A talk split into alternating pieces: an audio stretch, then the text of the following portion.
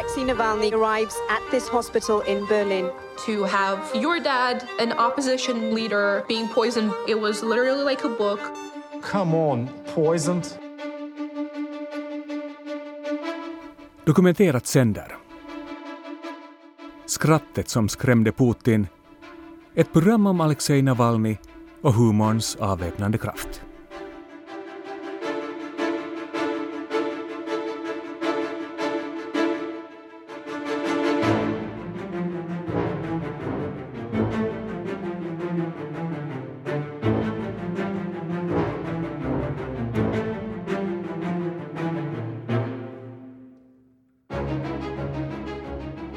Den 20 augusti år 2020 förgiftades den ryska oppositionsledaren Alexej Navalny med nervgiftet Novichok. In August 2020, he boarded a flight from the central Russian city of Tomsk to Moscow. Soon, his cries were heard throughout the cabin. Navalny knew exactly what had happened. Uh, turned over to the flight attendant and said him, I was poisoned, I'm gonna die. På flyget mellan Tomsk och Moskva fick Navalny allvarliga förgiftningssymptom och planet tvingades mellanlanda i Omsk där Navalny omedelbart transporterades till det lokala sjukhuset för observation. Den 44-åriga Navalny ligger i koma på intensivavdelningen där han vårdas. Under några dagar följde världen andlöst rapporteringen från sjukhuset i Omsk. Russian opposition leader Alexei Navalny had to be wheeled by paramedics into an ambulance on the tarmac. Находится на аппарате искусственной вентиляции легких, но состояние его стабильное. Lokala läkare förklarade att Navalnys kollaps förmodligen berodde på ämnesomsättningsstörningar eller kanske matförgiftning. Förklaringarna lät ihåliga. Allt för många regimkritiska röster i Ryssland hade tystats och många såg direkta kopplingar till Alexander Litvinenko och Sergej Skripal som så sent som år 2018 varit föremål för en giftattack i England. Nu låg Navalny i koma på sjukhuset i Omsk och trots att myndigheterna och läkarkåren ville hålla honom kvar lyckades Navalnys närkrets få honom flyttad till Charité-sjukhuset i Berlin där vård och noggrannare undersökningar stod på programmet. And um, I mean, there's this video that we've all seen um, um, from, the plane where he gets this incredible pain. Snart skulle det visa sig att Navalnys liv hängt på en skör tråd och att det verkligen var nervgiftet Novichok som framkallat de livshotande symptomen. If they would have been trying to fly onto Moscow, he would have died. So this is nothing that Det här programmet ska handla om vad som hände efter att Navalny skrevs ut från sjukhuset i Berlin. Det ska handla om hur den unge kanadensiske dokumentärfilmaren Daniel Rower klev in på scenen och hur han och Navalny på hemlig ort i Schwarzwald bestämde sig för att göra en spännande och rolig film tillsammans. Making any film is a miracle. This film was like 10 miracles. You, you never know what you're getting yourself into when you start off on a project like this. When you start filming and you realize this guy is incredibly charismatic and his greatest strength is his mastery of the media. Regissören som av Navalny får i uppdrag att göra en film om hans liv heter alltså Daniel Rohr. Och förutom Rohr ska ni i det här programmet också få möta den ryska juristen Pavel Tjikov och Rysslandsexperten Hanna Smith. Mitt namn är Petter Lindberg.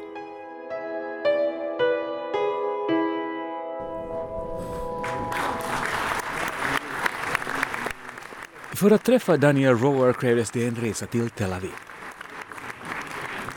Dokumentärfilmfestivalen Dock-Aviv hade bjudit in Daniel Rower för att tala om filmen som redan hunnit väcka uppmärksamhet världen över.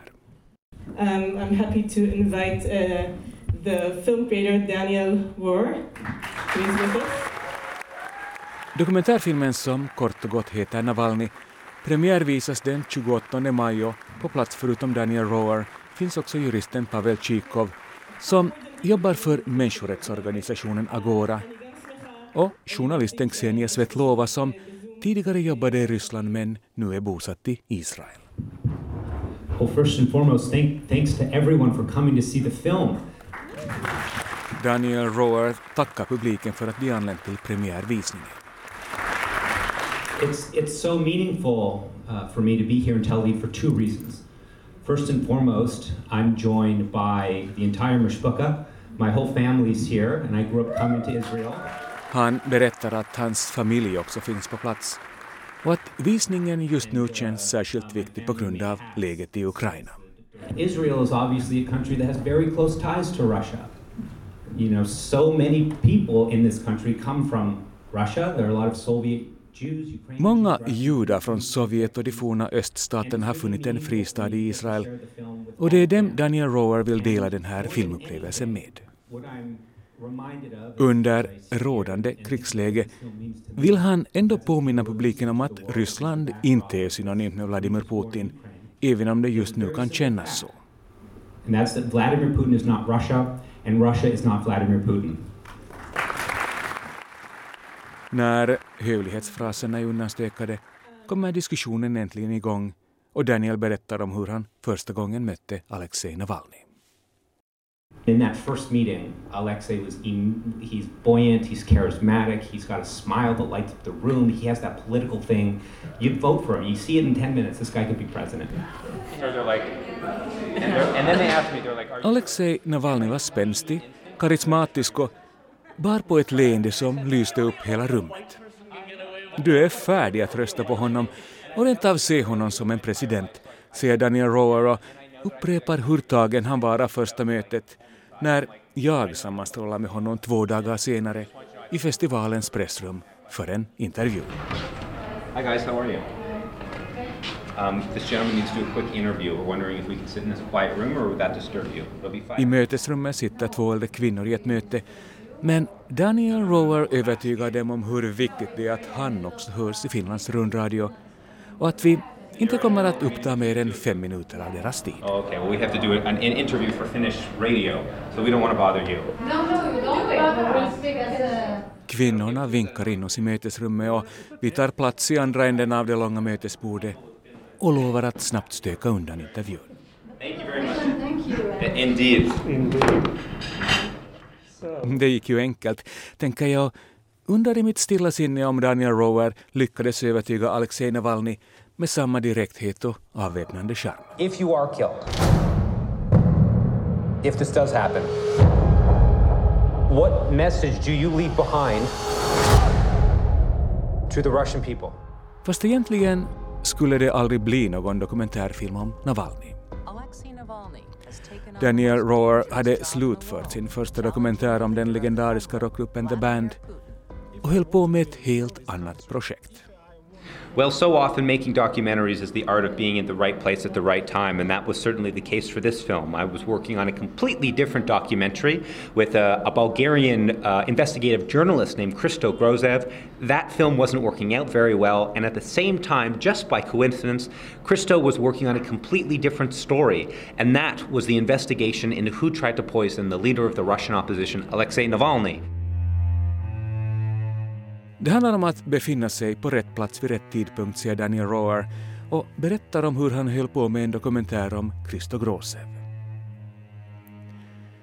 Grosev är en bulgarisk undersökande journalist som granskat läget i Ryssland och som på journalistgruppen Bellingcats hemsidor publicerat känsligt material om beväpning och hemliga ryska operationer. Dokumentären om Grosev ville ändå inte riktigt ta fart men istället hade den bulgariska journalisten ett oväntat erbjudande att komma med. He came to me and he said that he had this information that would help him solve the crime, and he was preparing to reach out to Alexei to share this information with him. And I immediately understood this might this this would be a compelling film. And Christo reached out to Alexei. We went to see him a week later, and the rest is history.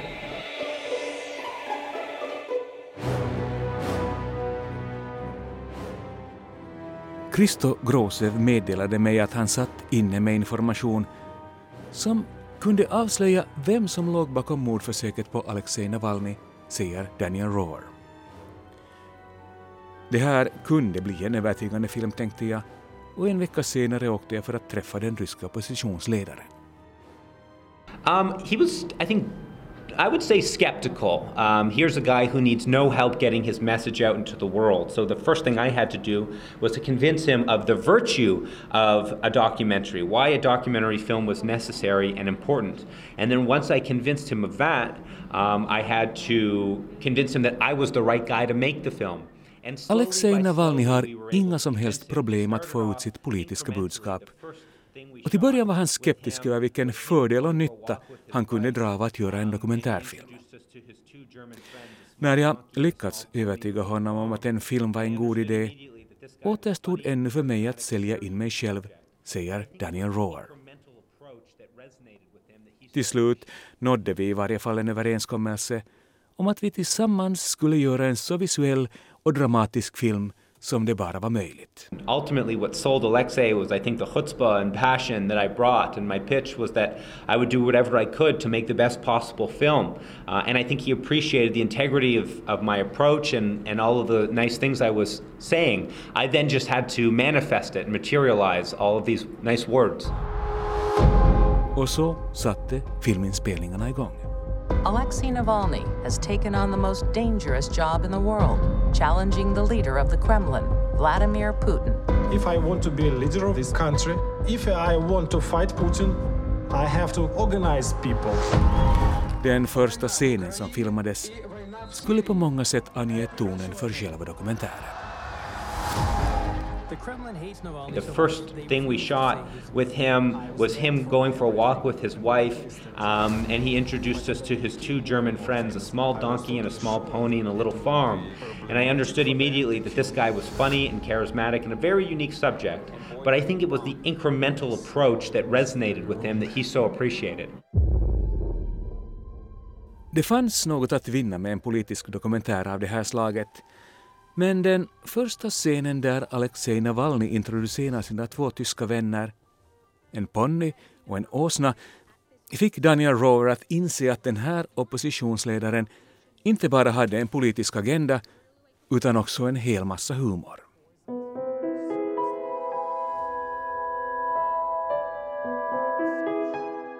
Vi ska återkomma till humorn för den är central i dokumentärfilmen Navalny men i mitt stilla sinne började jag undra vilken position Navalny hade före själva mordförsöket och hur själva giftskandalen påverkat hans rykte och ställning som oppositionsledare. Jag har stämt träff med Rysslandsexperten Hanna Smith som följt med händelserna med intresse. Hur stark var Navalnys roll som oppositionsledare innan han blev utsatt för det här mordförsöket? No, jag tror att han blev utsatt för det här mordförsöket på grund av det att faktiskt hans roll började vara ganska stark. Så att eh, kanske liksom tio år sedan så han var inte en. Så att när, när 2011 till exempel så var de här stora demonstrationerna eh, i, i Moskva innan Putin blev vald i den tredje gången och lite efter det.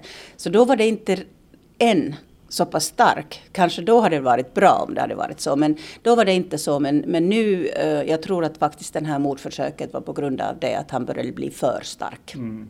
Men var det då en direkt eh, markering mot eh, Navalny eller var det också så att säga en allmän markering mot, mot oppositionen i Ryssland? Jag tror nog att man måste se den i, i den här större bilden. Så det var inte, såklart var det kanske eh, någonting personligt, men den var en markering eh, liksom för hela oppositionen. Mm. Kommer han tillbaka ännu starkare, tror du? No, därför han är i fängelse. Att när han eh, kom tillbaks till eh, Ryssland så var det också så att, eh, att han var ganska stark Uh, han var redan så stark att han kunde inte längre mödras. Men nu den här systemet har satt honom i fängelse. Uh, därför att de kunde inte längre mödra honom. Men att man måste på något sätt hålla honom i skick uh, och, och kontroll. det som har hänt i, i Rysslands media är just precis att regimen har tagit den i, i kontroll. det finns nya lagar uh, Eh, som gör det att man kan inte längre uh, säga vad man vill eller vad man tycker eller vad man ser. Uh, det behövs vara en officiell liksom, uh, Eh, sätt att se saker. Lyssna hur Kremlin tycker att man ska tala. Man ska inte tala om kriget, men militäroperationer när det gäller Ukraina och, och så vidare. Så att, eh, och den kritiken mot regimen så, så börjar vara redan att man är faktiskt landsförrädare om, om man äh, börjar kritisera för mycket Putin och så, så, vidare. Så att det här har inte Navalny en, en liten detalj i den här större bilden. Men just precis nu, just, just nu median är, är helt under kontroll. I, man kan inte vara en fri liksom, mediehus i Ryssland. Så alla de har nästan flyttat ut från Ryssland och försöker att fortsätta så gott de går, men inte i Ryssland.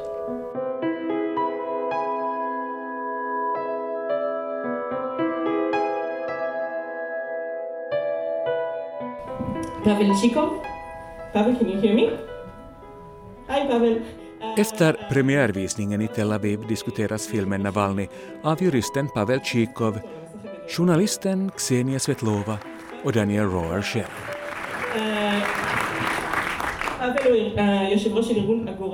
Och precis som Hanna Smith i Helsingfors är de rörande eniga om att pressens rörelsefrihet kraftigt kringskurits och att många journalister idag jobbar under hård press där våld och censur begränsar deras talan. Uh, we are now in the middle of the war, as you all know, uh, and this uh, this is a huge challenge for us uh, human rights lawyers on the ground because uh, we've never worked so hard uh, like during last three months already. Juristen Pavel Tjikov ger ingen rosig bild av situationen i Ryssland just nu. Nyinstiftade krigslagar har ytterligare begränsat yttrandefriheten och allt fler journalister har flytt utomlands. Hans egen organisation Agora som försvarar mänskliga rättigheter har fortfarande kunnat stanna kvar men det är osäkert om de kommer att kunna hålla ut till årsskiftet. Well, frankly saying, I, I'm not sure that we will be still there uh, by the end of the year, uh, keeping in mind the uh, the speed uh, of uh, the, uh, all the developments that are going on. Men det är inte bara journalister och jurister som råkat illa ut.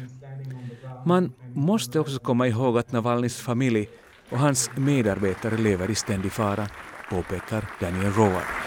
Thank you. We must remember that Navalny's one guy, but the amount of the people who work for him, there's dozens and dozens of young men and women predominantly, who are putting themselves in extraordinary risk and danger. Everyone who works for Navalny's foundation has been exiled from the country. They've had to uproot their lives quite quickly, sometimes violently, to leave Russia, where they've reconstituted themselves in Vilnius, Lithuania. And they continue to live under threat. Vi hörde här hur Navalnys medarbetare tvingats fly till bland annat Vilnius och hur de lever under ständig press. Men Hanna Smith, vilken roll har Navalnys eh, medarbetare eller stab idag? No, såklart rätt så viktig, därför att vi hör från Navalny eh, i jämna mellanrum och det där är väldigt, väldigt viktigt. Det var någon som sa liksom att men hur är det möjligt att han lyckas och, uh, skicka så många tweet? Han sitter i fängelse, eller hur?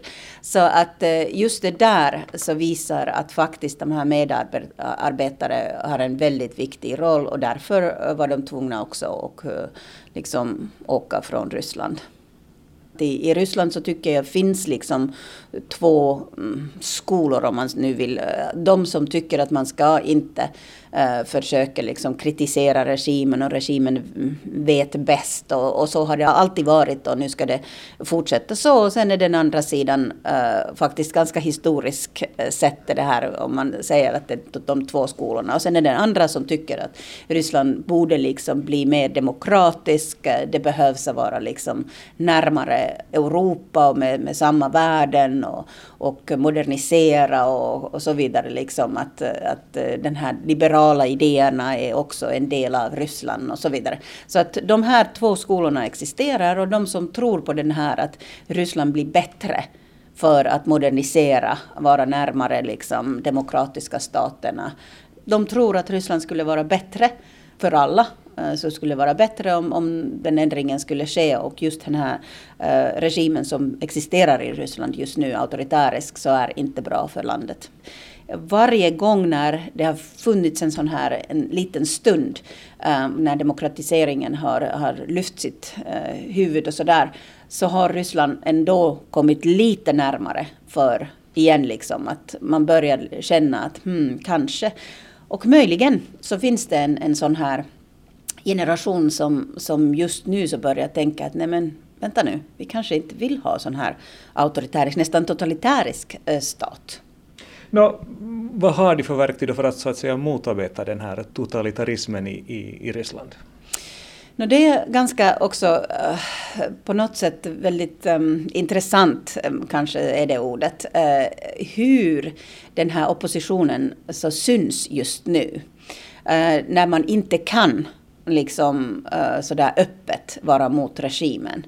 Uh, och ryssarna har all, alltid varit väldigt kreativa eh, för den. Och man har sett till exempel en kampanj som man sätter en sån här mjukdjur på parkbänken. Eh, flera eh, överallt för att eh, liksom symbolisera den där alla barnen som har dött i Ukraina. Och det här är inne i Ryssland. Så den är en protest mot eh, kriget. Eh, och sen är det ganska mycket som har hänt också i sociala medier. Så folk liksom eh, är ganska aktiva där och, och så vidare. Så att det syns att någonting, eh, att man kan göra någonting. Man kan liksom uttrycka sig på det sättet att man åker inte till fängelse direkt. Och det här är ett problem för regimen. Mm. Men jag tänker mig också att det är en väldigt tunn linje, eller ja, sådär att var, var överskrider man gränsen för vad som är tillåtet? Och när kan man så att säga uttrycka en, en protest som är så, så subtil att alla förstår det men man inte hamnar i fängelse? Men där så kanske förstår vi inte riktigt det där ryska samhället därför det har varit så pass lång tid ändå. Uh, på det sättet att man måste lära uttrycka sig uh, alltid på något, inte någon direkt sätt.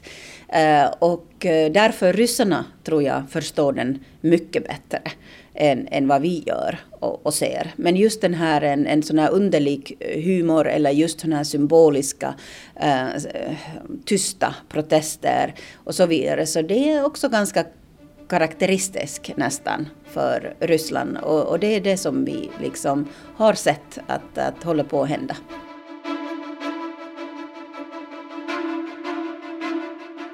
Nobody believed, even Navalny himself, you know, I was struck by his words. you know, the more famous I will get, you know, the more safe I will be. No, fame, fame doesn't make you safe in Russia. Nemtsov was famous too. Anna Politkovskaya was famous too. And, uh, and this is Diskussionstillfället i Tel Aviv avslöjar att berömmelse idag är ett dåligt skydd i Ryssland. Journalisten Xenia Svetlova nämner kollegan Anna Politkovskaja som brutalt sköts ned utanför sin lägenhet trots att hon var en berömd och aktad journalist. И здесь у меня просто очевидная вещь. Ну, не сдавайтесь. Не надо, нельзя сдаваться. Если это произошло, это означает, что мы необыкновенно Regimkritiker lever synnerligen farligt. Och det fick Alexej Navalny minsann känna av när han själv utsattes för ett mordförsök. I dokumentärfilmen erkänner han lite skamset att han trodde sig vara skyddad av sin berömmelse och sin offentliga ställning. Men så var inte fallet och när mordförsöket misslyckades fann man fort en anledning att bura in honom istället. En beprövad metod som Stalin ofta använde sig av, säger juristen Pavel Chikov. It is uh, almost, you know, this uh, classic uh, Stalin's time uh, 10 years of imprisonment, uh, 10 years for Mikhail Khodorkovsky, and, uh, and now almost 10 years for Alexei Navalny. Navalny is stepping into a showdown with the Kremlin. I want to go back and try to change Russia. Man kan naturligtvis försöka utmana en envåldshärskare som Vladimir Putin med en dokumentärfilm som visar hur korrupt den ryska ledningen är och hur en ensam modig man utmana den mäktiga ledaren. Och inte bara det, dessutom lyckas bevisa att det mordförsök som han utsattes för dessutom är beställt av Kreml.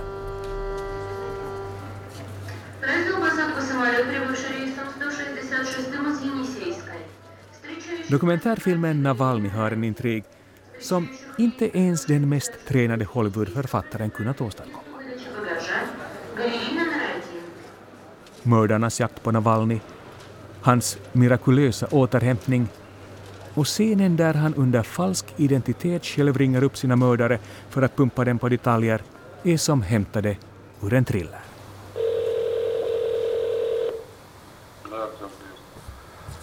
Konstantin. Och det var också en thriller Navalny ville att Daniel Rower skulle göra, inte något sömnigt minnesporträtt. He had a very clear point of view of what the movie should be.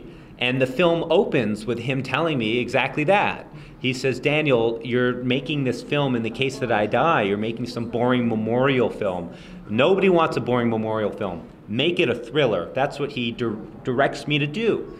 Um, and I partially obliged, but at the end of the day, it's my film. Creative control and editorial control was vested fully in the film team. And uh, I made the film I wanted to make.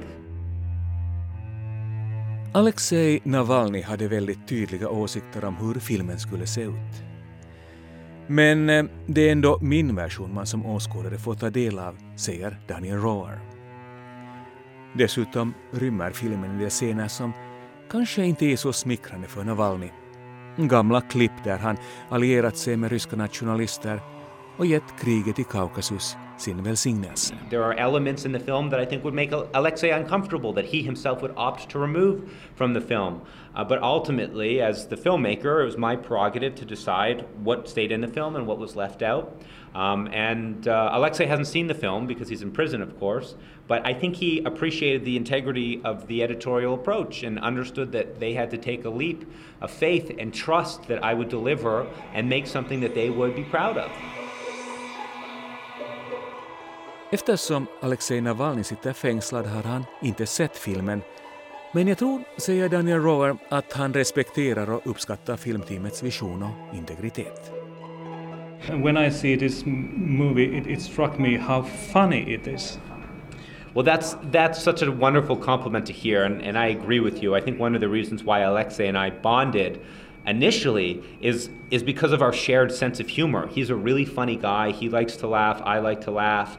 Um, and I think the humor in the film that a lot of people are surprised about really just just manifests from Alexei's natural charisma and humor. Vid sidan av att filmen är en gastkramande thriller är den också väldigt rolig.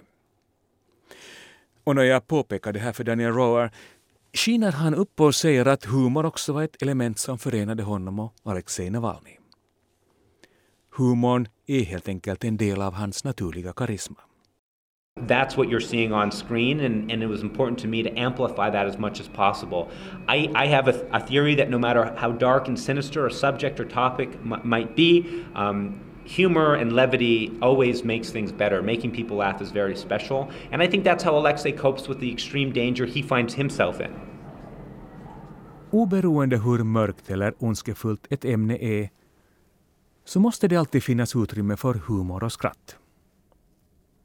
Att få människor att skratta är det bästa som finns och jag föreställer mig att skrattet också erbjudit Alexej Navalny tröst när han själv befunnit sig i fara. Mm. And humor as well is a very delicate weapon.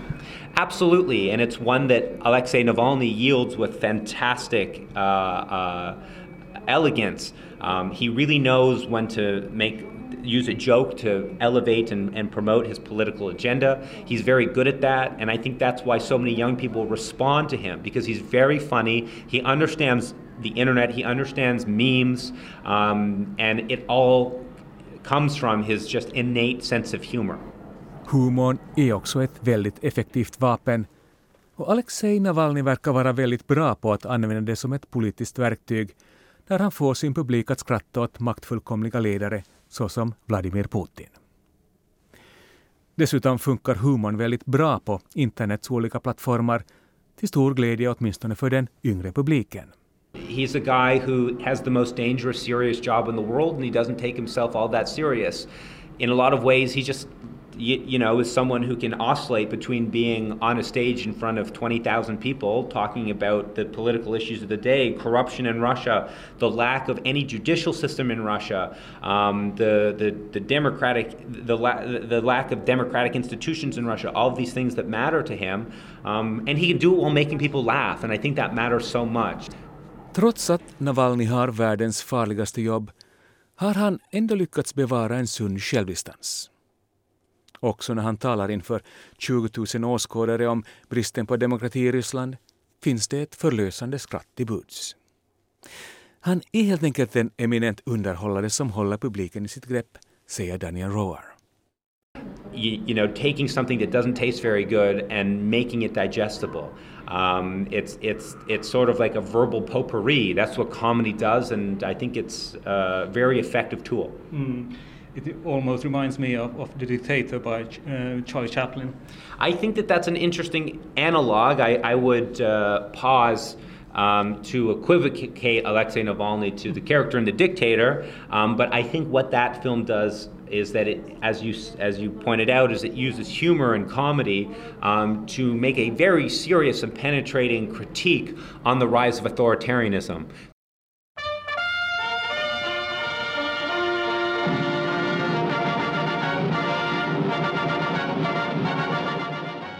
Och så kommer vi in på Charlie Chaplins mästerverk Diktatorn från år 1940. Satiren över Nazitysklands ledare Adolf Hitler är dräpande och våldsamt rolig och lite av samma uppkäftighet, maktkritik och humor möter man också i Daniel Roars film. There are actually similarities between my film Navalny and Charlie Chaplin's film in that regard. They're very different, but I think those themes of criticizing power and, and shining a light in a dark place are echoed through both films.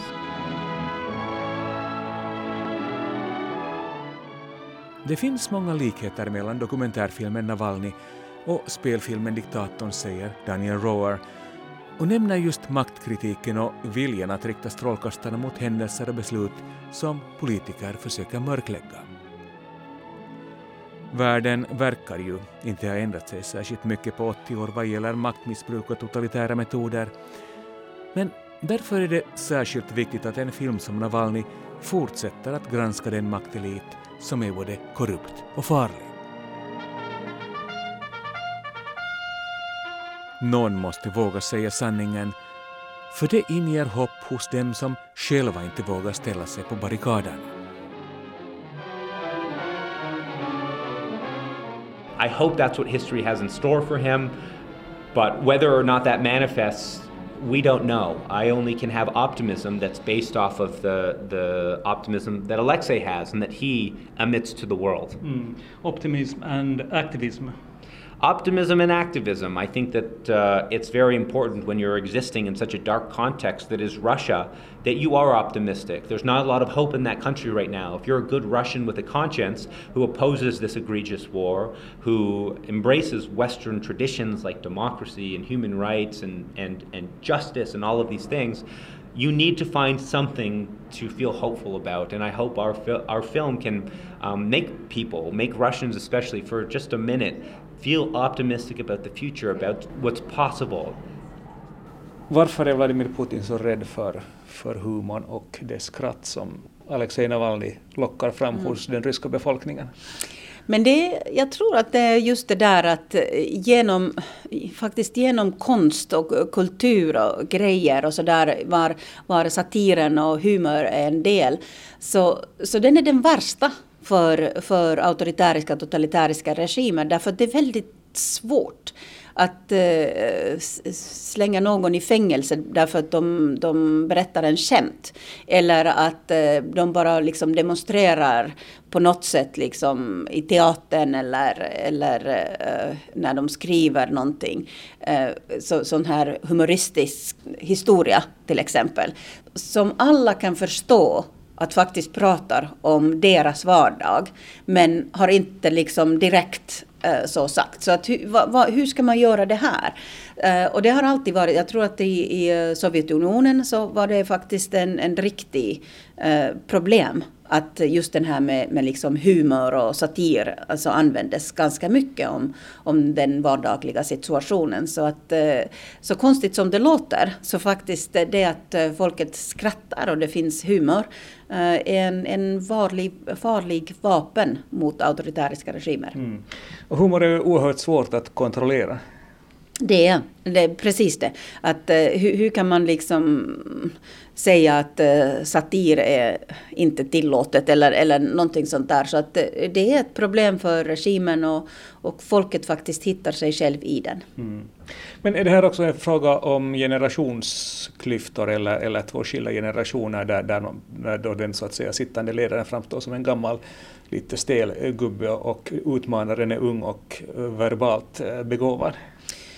No, det kanske finns någonting i den där. Men när det gäller just det där med humor och satir så tror jag faktiskt att den rör alla oavsett av åldern.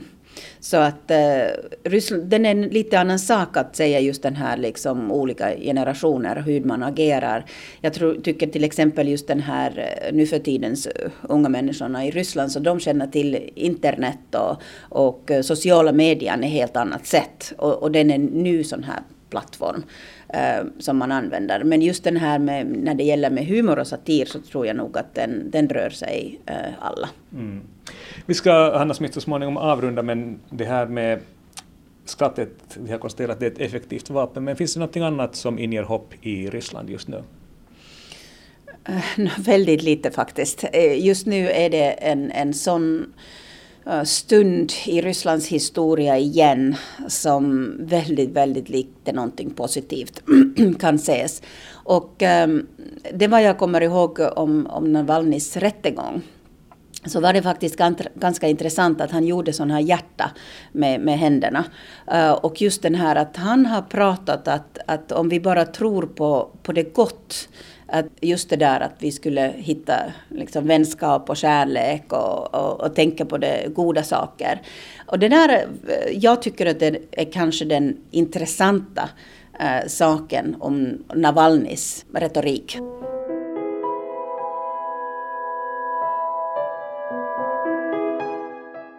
Alexej Navalny har som känt dömts till långa fängelsestraff för att han grundat extremrörelser och uppviglat folket till myndighetsförakt. Under diskussionstillfället i Tel Aviv kan juristen Pavel Chikov dessutom tillägga att Navalny ska flyttas till ett fängelse av en högre säkerhetsklass. He is uh, uh, expecting to be transferred to the uh, stricter uh, prison uh, in, uh, in Russia. Trots att Navalny har uppbackning av sina jurister så är han ganska oskyddad innanför fängelsets murar, säger Pavel Tjikov. Han utsätts regelbundet för medfångarnas och fängelseledningens påtryckning. Men trots pressen som Navalny utsätts för förhåller han sig ändå rätt optimistiskt till framtiden, tillägger Pavel Tjikov. Navalny uh, has always been very optimistic and very strong. So, uh, I might... På videolänk hyllar Pavel Chikov sin tidigare samarbetspartner för optimismen, styrkan och modet som han ger prov på, trots att han sitter i ett hårdbevakat fängelse. Men helt isolerad är han inte och Daniel Rower säger att han ibland brukar skriva brev till Alexei. Every now and then I'll write to Alexei And it's a very complex and nebulous way. You can't just send him letters. He doesn't have a phone with him, of course, so I can't send him emails. So I, I have a code name. Det är ingen lätt sak att få fram ett brev, men med hjälp av ett kodnamn och hjälpsamma jurister som smugglar in texten bland juridiska dokument så är det möjligt att sköta en brevväxling. And I'm never quite sure what to, what to write to Alexei, because what do you write to a guy who's stuck in a gulag? Well, what I find is that I, I tell him how the film's doing. I like to give him updates on my love life, which he appreciates. I tell him how my family's doing and these sorts of things. Vad ska man då skriva till världens kändaste politiska fånge? Daniel Rower rapporterar om hur det går för filmen. Han skriver om sin familj och sitt kärleksliv som Navalny verkar synnerligen intresserad av. Och nyligen skrev han också om sitt möte med skådespelaren Woody Harrelson. We had this screening and one of the people who was at the screening was this the American actor Woody Harrelson who we know from Natural Born Killers and all these fabulous films. Ja, enligt skådespelaren Woody Harrelson var Navalny den bästa filmen han sett på 20 år. Och det berömmet måste ju Daniel Rower också vidarebefordra till dokumentärfilmens huvudperson som själv satt fängslad i Ryssland. Alexei writes me back a week or two later and he was so offended that he thought that I had to explain to him who Woody Harrelson was. and he told me that he had seen Natural Born Killers a million times and No Country for Old Men two million times. Naturligtvis var Alexej Navalny glad över berömmet men samtidigt lite kränkt över att Daniel utgick från att han inte kände till Woody Harrelson.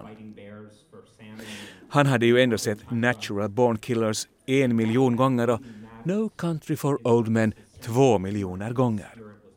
Skulle han inte känna till den berömda amerikanska skådespelaren?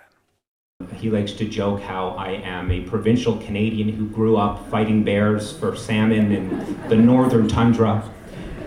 And why that really matters is because his sense of humor and his spirit was intact.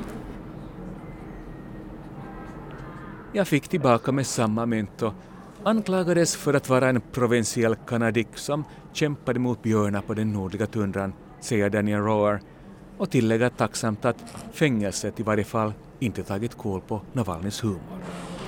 Thank you so much. Thank you so much. And, and It's so much easier when you just grab me in a hallway. Intervjun i Cinematekets konferensrum i Tel Aviv har för länge sedan överskridit de fem minuter som vi lovade att hålla oss till.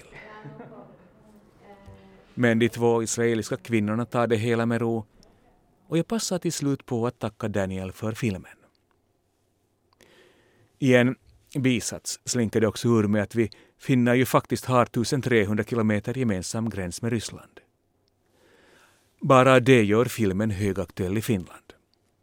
You know, it's well known that the strength of the Finnish people, the resolve of the Finnish people, is ironclad and very strong. Um, and the history of the nation in dealing with the Soviets and the Russians is is um, you know it's it's clear. And I think that uh, Finland's decision was that last week to very assertively and quickly join NATO speaks volumes about the Finnish resolve and about the uh, the heart and aspiration of the Finnish spirit. Tydligen har finnarna ett gott rykte även bland björnbrottare i Kanada. Det är kanske samma envishet och provinsialism och kyla som förenar oss. Att vi dessutom har ansökt om NATO-medlemskap ser Daniel Roar också som ett självklart led i den finska folksjälens vilja att göra rätt för sig. Senare på kvällen vandrar jag till hotellet längs med stranden i Tel Aviv. Det är varmt och stimmigt och på avstånd spelar en gatumusiker.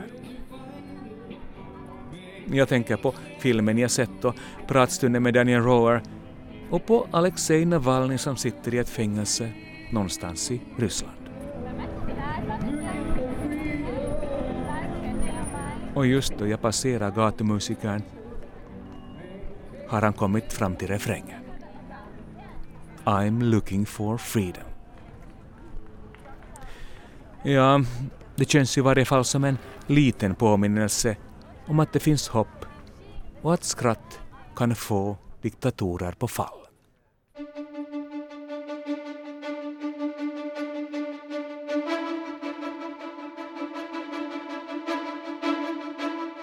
Du har hört Skrattet som skrämde Putin, ett program om oppositionsledaren Alexej Navalny och humorns kraft.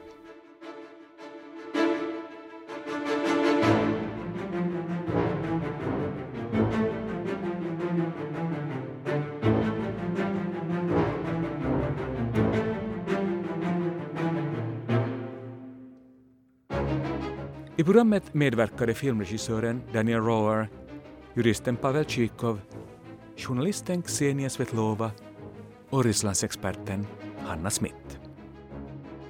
Producent var Staffan von Martens. Mitt namn är Petter Lindberg.